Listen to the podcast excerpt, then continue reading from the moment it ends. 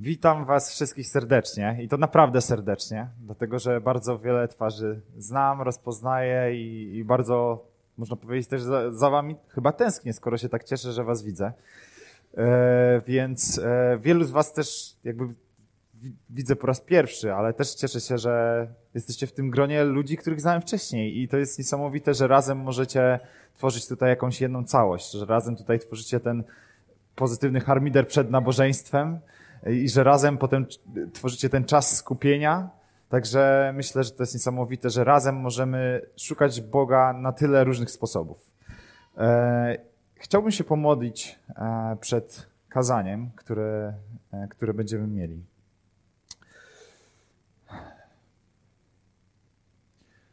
Drogi Ojcze, dziękuję Tobie za to, jaki Ty jesteś, kim Ty jesteś i za to, że że Boże, w Tobie jest dobroć i łaska, i miłosierdzie, i Boże pokój. W Tobie jest też walka, siły. Może, że Ty wszystkiego tego masz pod dostatkiem i że Ty chcesz tym wszystkim się z nami dzielić. I Boże, proszę Cię, żeby te słowa e, dokładały się do tego dzieła, Boże, żeby one uzupełniały w nas wszystkie Twoje atrybuty, które Ty chcesz wkładać w nasze serce. O to Ciebie proszę w imieniu Jezusa Chrystusa. Amen. Dobrze. Zmarnowana dobroć. To jest tytuł kazania, tak tylko przypominam, gdyby się ktoś zastanawiał. Zmarnowana dobroć. Eee... I tak. Czy słyszeliście kiedyś o takim słowie jak paradygmat? Jestem przekonany, że słyszeliście, bo to w końcu jest po pierwsze duże miasto, dużo z was jest po studiach, e, ale w razie gdyby ktoś nie słyszał takiego słowa, to chciałbym pokrótce wytłumaczyć, czym ono jest. Kiedyś przy okazji jakiegoś innego kazania tłumaczyłem, więc może ktoś was e, to słyszał, ale paradygmat to jest taki zestaw założeń, który, według którego ty patrzysz na życie i mówisz, ok, dobra, ja wiem, co robić dalej. Paradygmat przypomina trochę mapę, na której jakiś taki planista wojenny rozkłada tam różne pionki i w pewnym momencie nie mieści się z tymi pionkami, bo ustawiał je według mapy i przychodzi drugi i na przykład zmiana paradygmatu może polegać na tym, że on przesunie tą mapę w odpowiedni sposób, nagle patrzysz inny punkt widzenia, nagle więcej miejsca na te pionki i jesteś w stanie rozłożyć wszystkie.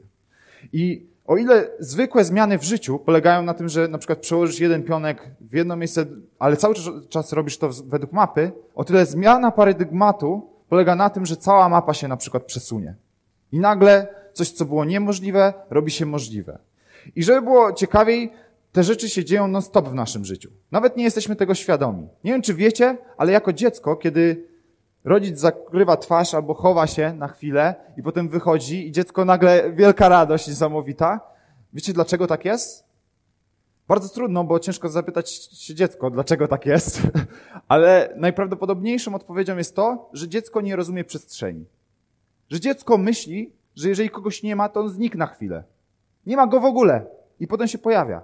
I dlatego dziecko potrafi płakać, jak gdyby po prostu rodzica straciło, dlatego że go nie ma obok.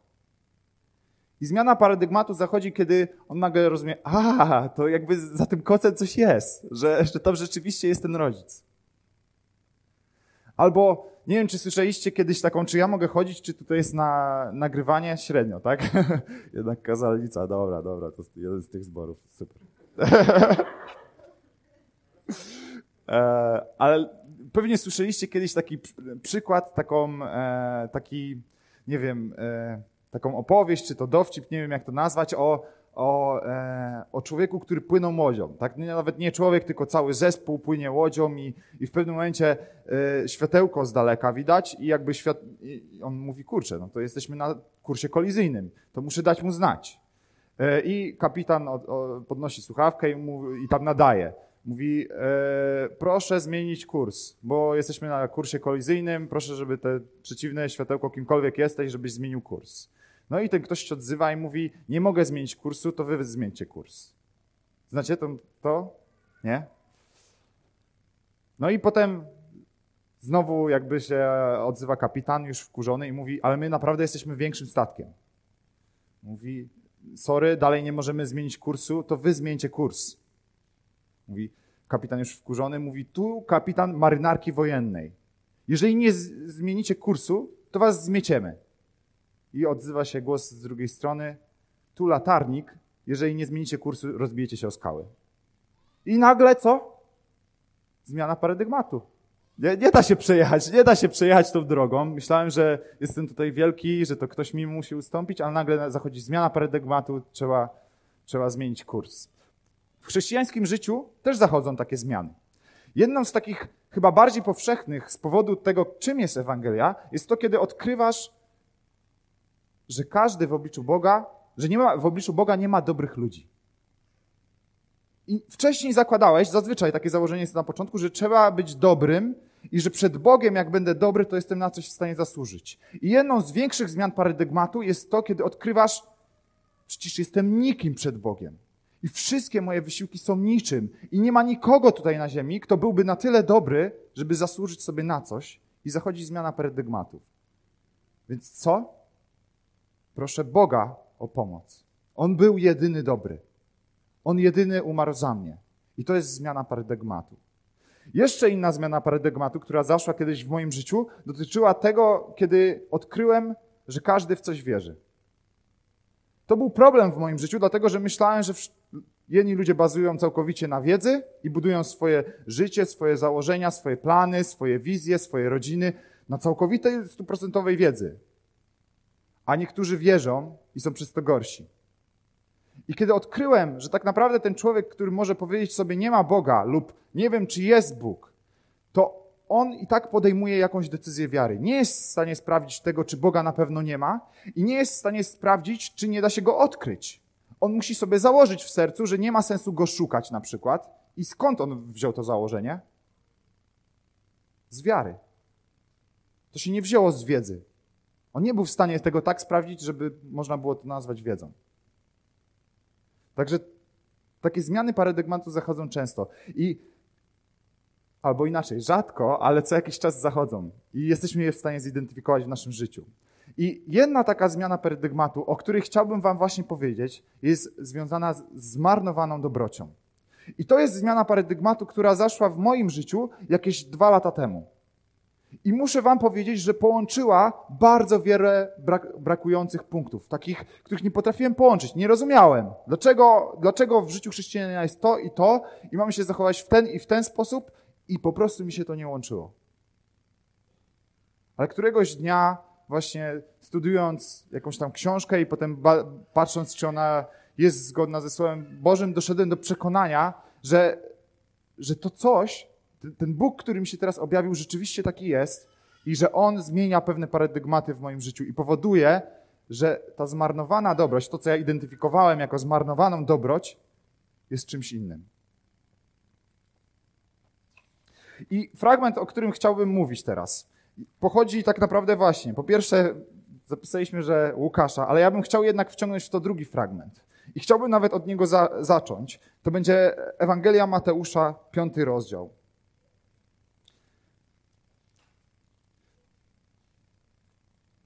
I ten fragment z Ewangelii Mateusza jest fragmentem synoptycznym dla tego z Łukasza. Obie opowiadają tą samą historię, tylko trochę w inny sposób.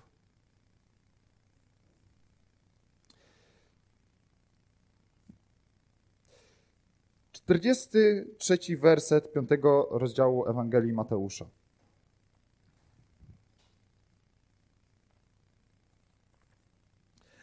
Wiecie, że powiedziano, Masz kochać swego bliźniego, a wroga mieć w nienawiści. Ja wam natomiast mówię, kochajcie waszych nieprzyjaciół i módlcie się za tych, którzy was prześladują. Tak czyniąc, zachowujecie się, jak przystało na dzieci waszego Ojca w niebie. On sprawia, że słońce zachodzi nad złymi i dobrymi, a deszcz spada na sprawiedliwych i niesprawiedliwych. Bo jeśli okazujecie miłość tym, którzy was kochają, co wam wynagradzać. Czyż celnicy nie czynią podobnie? A jeśli pozdrawiacie tylko swoich braci, co w tym nadzwyczajnego? Poganie też to robią.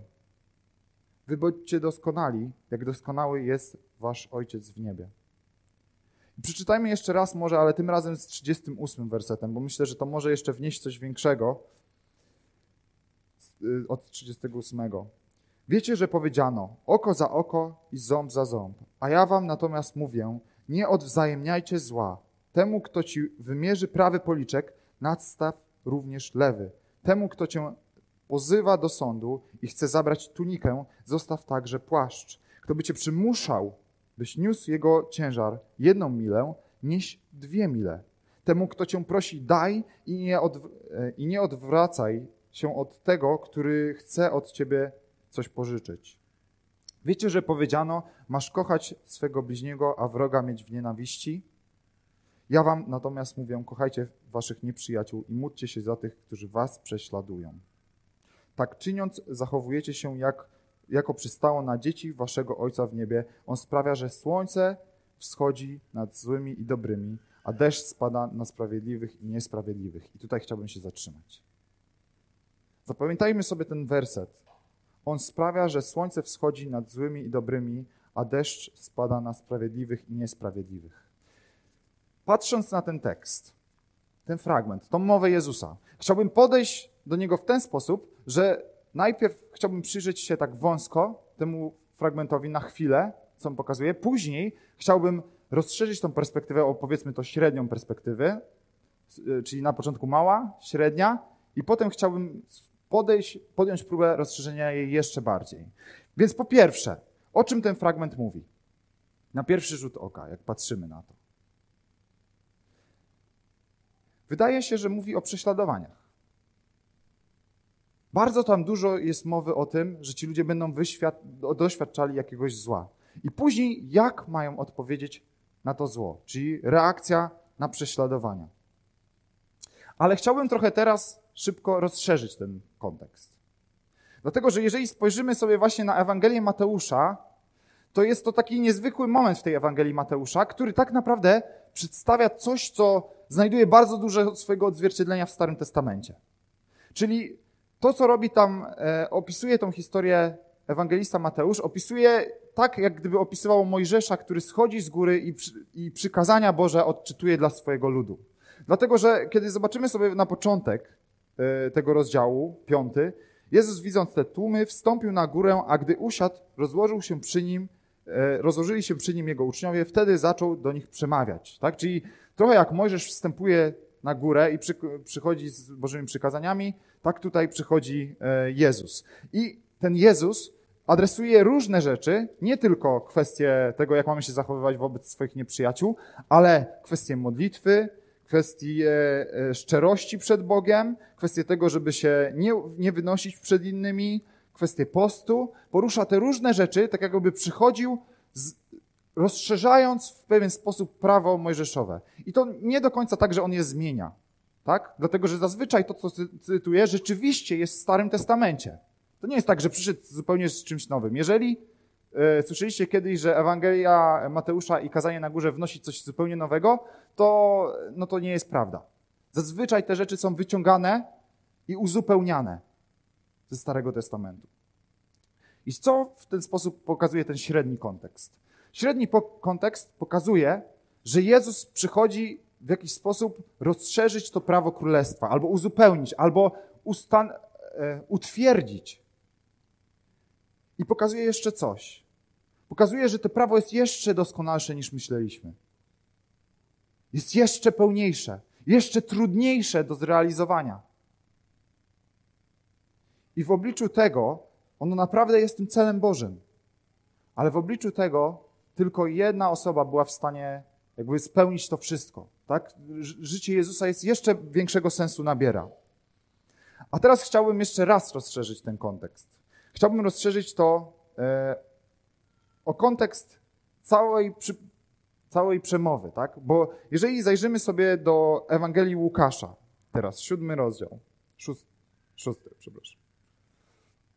Szósty rozdział, 27 werset.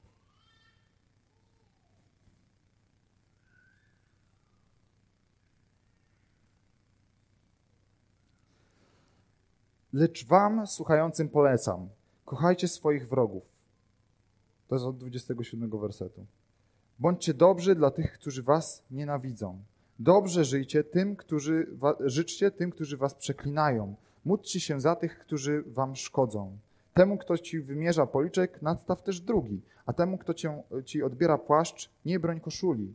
Każdemu, kto cię prosi, dawaj, a od tego, kto bierze, co twoje, nie żądaj zwrotu. Traktujcie innych tak, jak sami chcecie być traktowani. Jeśli kochacie tych, którzy was kochają, to cóż wam wynagradzać? Przecież i grzesznicy kochają tych, którzy, którzy ich darzą miłością. Albo jeśli czynicie dobrze tym, którzy dla was są dobrzy, to cóż tu wam wynagradzać? Grzesznicy czynią to samo. Jeśli pożyczacie tym, od których spodziewacie się zwrotu, to cóż wam wynagradzać? Grzesznicy również pożyczają grzesznikom, aby odebrać tyle samo. Ale kochajcie waszych wrogów.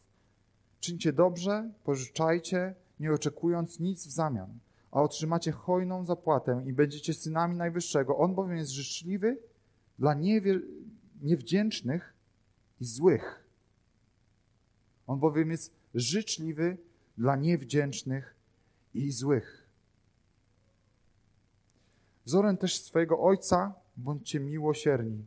Przestańcie osądzać, a nie zostaniecie osądzeni. Przestańcie potępiać, a wówczas nie zostaniecie potępieni. Przebaczajcie, a dostąpicie przebaczenia. Dawajcie, a będzie wam dane. Wtedy porcją dobrą, ugniecioną, ubitą i z nadatkiem wsypią w wasze zanadrze, bo jaką miarą mierzycie, taką wam odmierzą.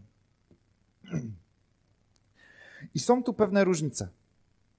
Mimo, że to dalej jest kazanie na górze, chociaż tam pojawia się taka możliwość, że to może jest na płaszczyźnie, ale albo na płaszczyźnie na górze, albo płaszczyźnie pod górą. Jest kilka wariancji. Ale generalnie wydaje się, że to jest to samo kazanie. Również zaczyna się od błogosławieństw, również kończy się e, inaczej, jest rozszerzone, bo się kończy na przekleństwach, ale te błogosławieństwa i przekleństwa trochę się uzupełniają i pokazują ten sam obraz, który był w Ewangelii Mateusza. Ale Łukasz nie dzieli tego tak na segmenty, jak podzielił to Mateusz. To nie jest takie judeistyczne wytłumaczenie. Łukasz tak jakby podsumował całą treść, jakiś pakiet tych treści i mówi, i zaczyna je słowami, lecz wam słuchającym polecam, kochajcie swoich wrogów, bądźcie dobrzy dla tych, którzy was nienawidzą. I to jest taki epitet podsumowania części tej treści. W związku z czym pytanie, czy to jest to samo przesłanie? Co widział Mateusz? Co widzi Łukasz? Mateusz wydaje się, że widział tam Mojżesza. U Łukasza tego aż tak za bardzo nie widać. Łukasz skupia się na miłości. W związku z czym pytanie właśnie, no to z czym przyszedł Jezus? Z czym do ludzi? Myślę, że obie te rzeczy są prawdą. prawdą. Obie te rzeczy zawierają jakąś treść ale też obie czerpią ze wspólnego źródła i, i kiedy przyjrzymy się właśnie tym, tym, co jest takim wspólnym mianownikiem, to myślę, że jest tam pewne bogactwo, które, które właśnie jest tą zmianą paradygmatu. To bogactwo, które świadczy o jakimś rodzaju marnowanej dobroci, albo ona nie, właśnie okazuje się, że nie jest zmarnowana. Ale intuicyjnie, kiedy patrzysz na to, jak to tam wygląda, o to, że jak uderzą cię w policzek, masz nadstawić drugi. O tym, że jak ci powiedzą, że masz nieść mile, to masz nieść dwie. Jak poproszą cię o płaszcz, masz dać, tu, masz dać i tu, e, jak poproszą cię o tunikę, masz dać i płaszcz, tak? Czyli jakby chodzi o nawierzchnię, ubranie i w zasadzie nawet te pod spodem. To jest taka... I jak człowiek to czyta, to widzi, widzi, że to jest parabola. Nie, że człowiek to czyta i mówi, no raczej jak ciebie przyjdą i uderzą w policzek, to uciekniesz. Po prostu nie będziesz chciał, żeby drugi policzek ci wymierzyli, albo ewentualnie kontraatakujesz. I, I patrzymy na tą ucieczkę nie jako na coś złego. To nie jest złe, że ty nie chcesz, żeby cię uderzyli w policzek po raz drugi. No to w takim razie o co w tym chodzi? Jeżeli to jest parabola, to nie możemy powiedzieć, że okej, okay, dobra, to ponieważ to jest parabola, to nie niesie żadnej treści. No to pytanie to jaką treść to niesie? O czym to mówi? I oba, obie te rzeczy są przedstawione w kontekście błogosławieństw. I te błogosławieństwa też są niezwykłe, dlatego że one jeszcze bardziej podkreślają ten, e, ten element zmarnowania. Zwróćcie uwagę, e, może się zastanawiam, z Łukasza weźmiemy. Szczęśliwi jesteście ubodzy. To jest kojarzone ze stratą. Gdyż gdyż wasze jest Królestwo Boże. Szczęśliwi, którzy teraz głodujecie. Znowu ze stratą. Taką najbardziej intuicyjnie rozumianą stratą, że głodujesz. Ponieważ będziecie nasyceni. Szczęśliwi, którzy teraz płaczecie. Strata. Dlatego, że będziecie radośni. Szczęśliwi jesteście, ilekroć was ludzie znienawidzą. Ilekroć od siebie odłączą, znieważą i zniesławią wasze imię z powodu Syna Człowieczego. Cieszcie się w tym dniu z radości, skaczcie do góry. W gniewie czeka was naprawdę hojna zapłata, podobnie bowiem ich ojcowie traktowali proroków. Ale biada wam bogatym, gdyż w pełni odbieracie swą pociechę. Czyli tutaj jest mowa o ludziach, którzy teoretycznie w naszych oczach coś zyskują. Ale biada wam bogatym, gdyż w pełni odbieracie swoją pociechę. Biada teraz opływającym dostatkiem, gdyż spadnie na was głód. Biada wam zuchwałym, roześmianym, gdyż będziecie smucić się i płakać. Biada wam, ilekroć wszyscy będą mieli o was dobre zdanie. Bo takie ich ojcowie mieli o fałszywych prorokach.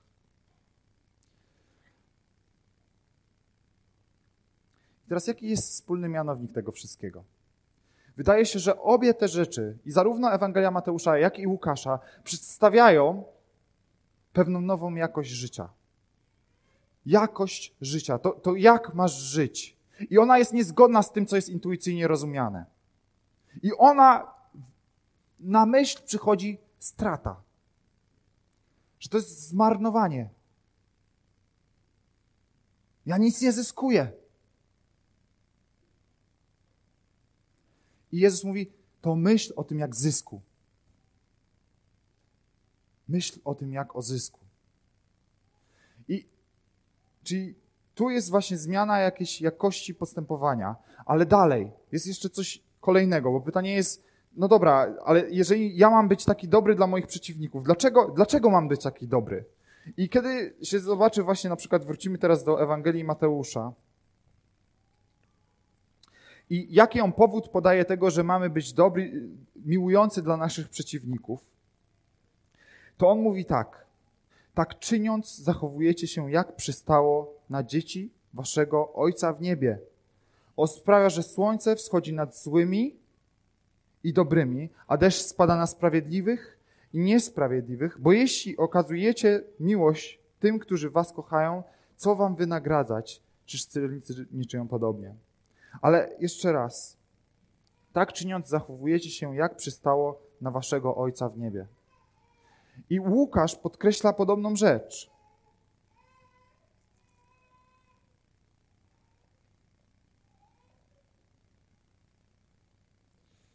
Okej.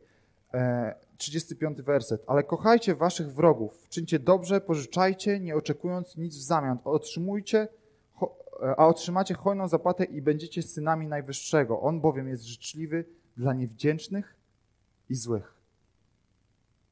Bardzo podobna rzecz. Czyli ewangeliści mówią, że źródło tego, dlaczego macie być tacy, dlaczego ta nowa jakość życia ma sens, jest, taki, jest taka, że Bóg taki jest że Bóg taki jest, że On jest wdzięczny, że On jest kochający, że On obdarza jakimś dobrem i błogosławieństwem, nawet niewdzięcznych i złych. Czy to znaczy, że obdarza tym samym błogosławieństwem? To by było absurdalne. Nie. Szczególne błogosławieństwo On ma dla szczególnych ludzi. Ale właśnie rzecz polega na tym, że dobroć Boga jest tak wielka, że spływa, wy, wypływa z jakiegokolwiek naczynia, byście chcieli ją wlać. Że każdy otrzymuje przynajmniej resztki. Że kiedy przychodzi ta kobieta do Jezusa w, w jednej z tam sytuacji prosić o uzdrowienie, a ona jest poganką i adresuje, to Jezus mówi jej, ale ja przyszedłem do Izraela i ona mówi, ale nawet psy czasem zjadają to, co spadnie ze stołu. I to jest prawda. I nie chodzi o to, nie powinniśmy się skupiać tutaj teraz na tym, czy, czy ona została nazwana psem, czy nie. Chodzi po prostu o to, że Bóg jest tak dobry, że nawet jeżeli On kocha przede wszystkim tych ludzi, których, których właśnie jakby przez wiarę stali się Jego dziećmi. I, I On darzy ich szczególną miłością. To jak do swoich dzieci, jak do Jezusa Chrystusa. Tak po prostu ta dobroć spływa jeszcze na tych, którzy tak nie wierzą. Ta dobroć jeszcze w jakiś sposób się wylewa i błogosławi. Dlaczego? Dlaczego tak się dzieje?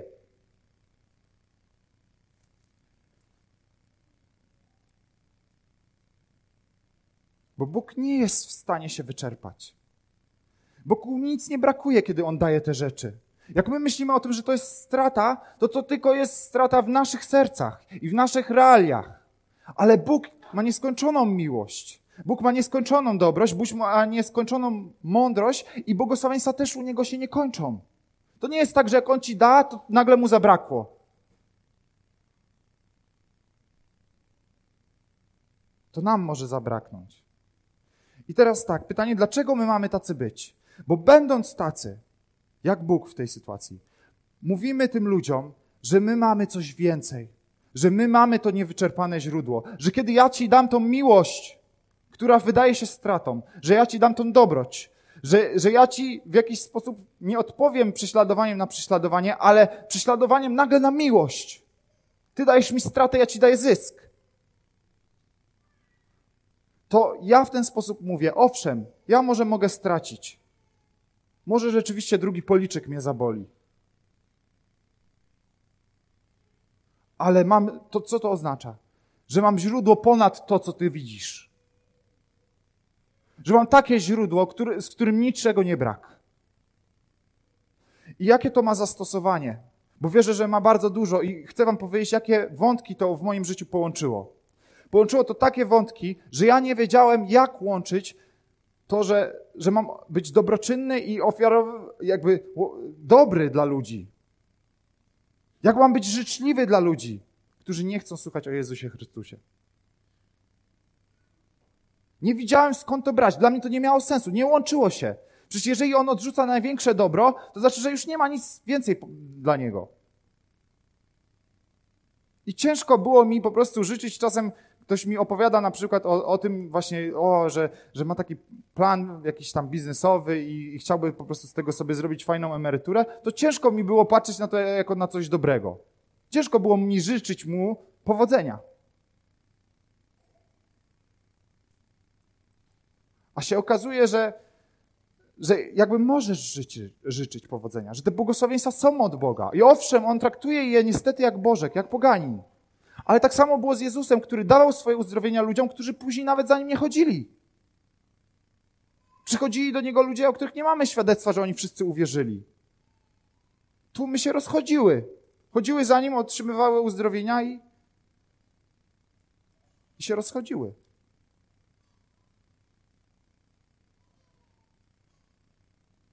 Bo deszcz pada nad złymi i nad dobrymi.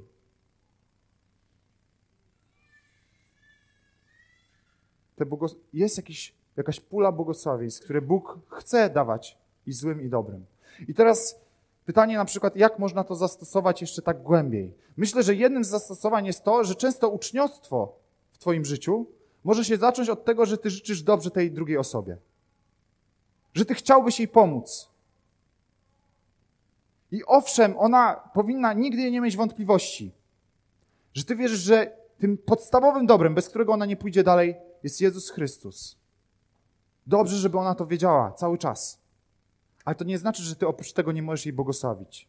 To nie znaczy, że działalność charytatywna, działalność dobroczynna nie ma sensu. Ma sens. Dlaczego? Bo pokazuje, jaki wielki jest Bóg i gdzie jest nasze źródło pełni. I to zwiastuje Ewangelię, kiedy ty się troszczysz o jakąś osobę. Kiedy ty ofiarowujesz jej coś, co się wydaje stratą dla ciebie. I ona jest, dlaczego on traci? Ja nawet nie, nie obchodzi mnie ten Bóg czasem. Dlaczego ta osoba traci? Bo ma jeszcze więcej. Bo ma tyle, ma takiego dobrego Boga, z którego to błogosławieństwo spływa dalej.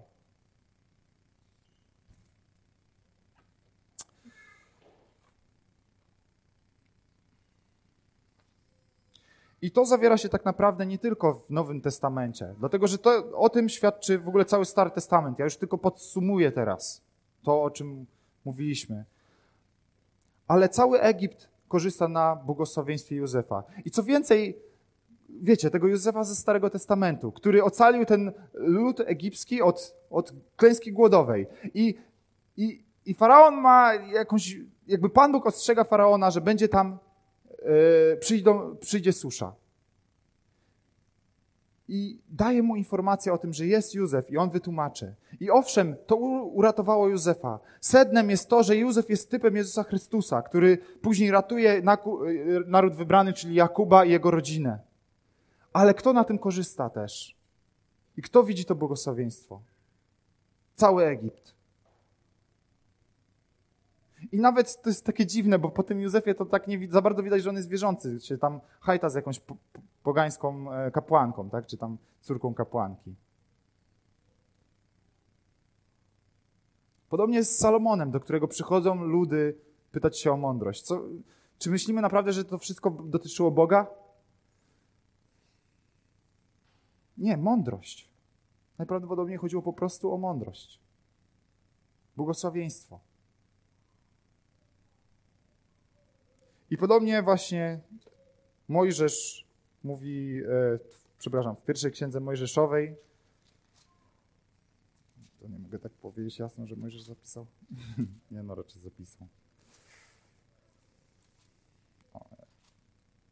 15 rozdział. Pan powiedział do Abrahama: Wyjdź ze swojej ziemi, zostaw swoich krewnych i dom swojego ojca i idź do ziemi, którą ci wskażę, a wywiodę z ciebie wielki naród i będą ci błogosławieństwem. Rozsławię twoje imię i staniesz się błogosławieństwem. Będą błogosławiły, będę błogosławił błogosławiącym tobie, a gardzących tobą przeklnę i będą błogosławione w tobie wszystkie plemiona ziemi. I owszem, chodzi o Jezusa Chrystusa ale też owszem, dobroci otrzymał każdy, kto błogosławił Izraelowi. Nawet jeżeli się nie nawrócili do jedynego Boga Jahwe. I to się zawierało w tym proroctwie, że to wy, tutaj jak jesteście, każdy z was będzie błogosławieństwem dla narodów, dla ludzi wkoło was. Światłem, które nie gaśnie, solą, która nie wietrzeje. I tego życzę nam wszystkim.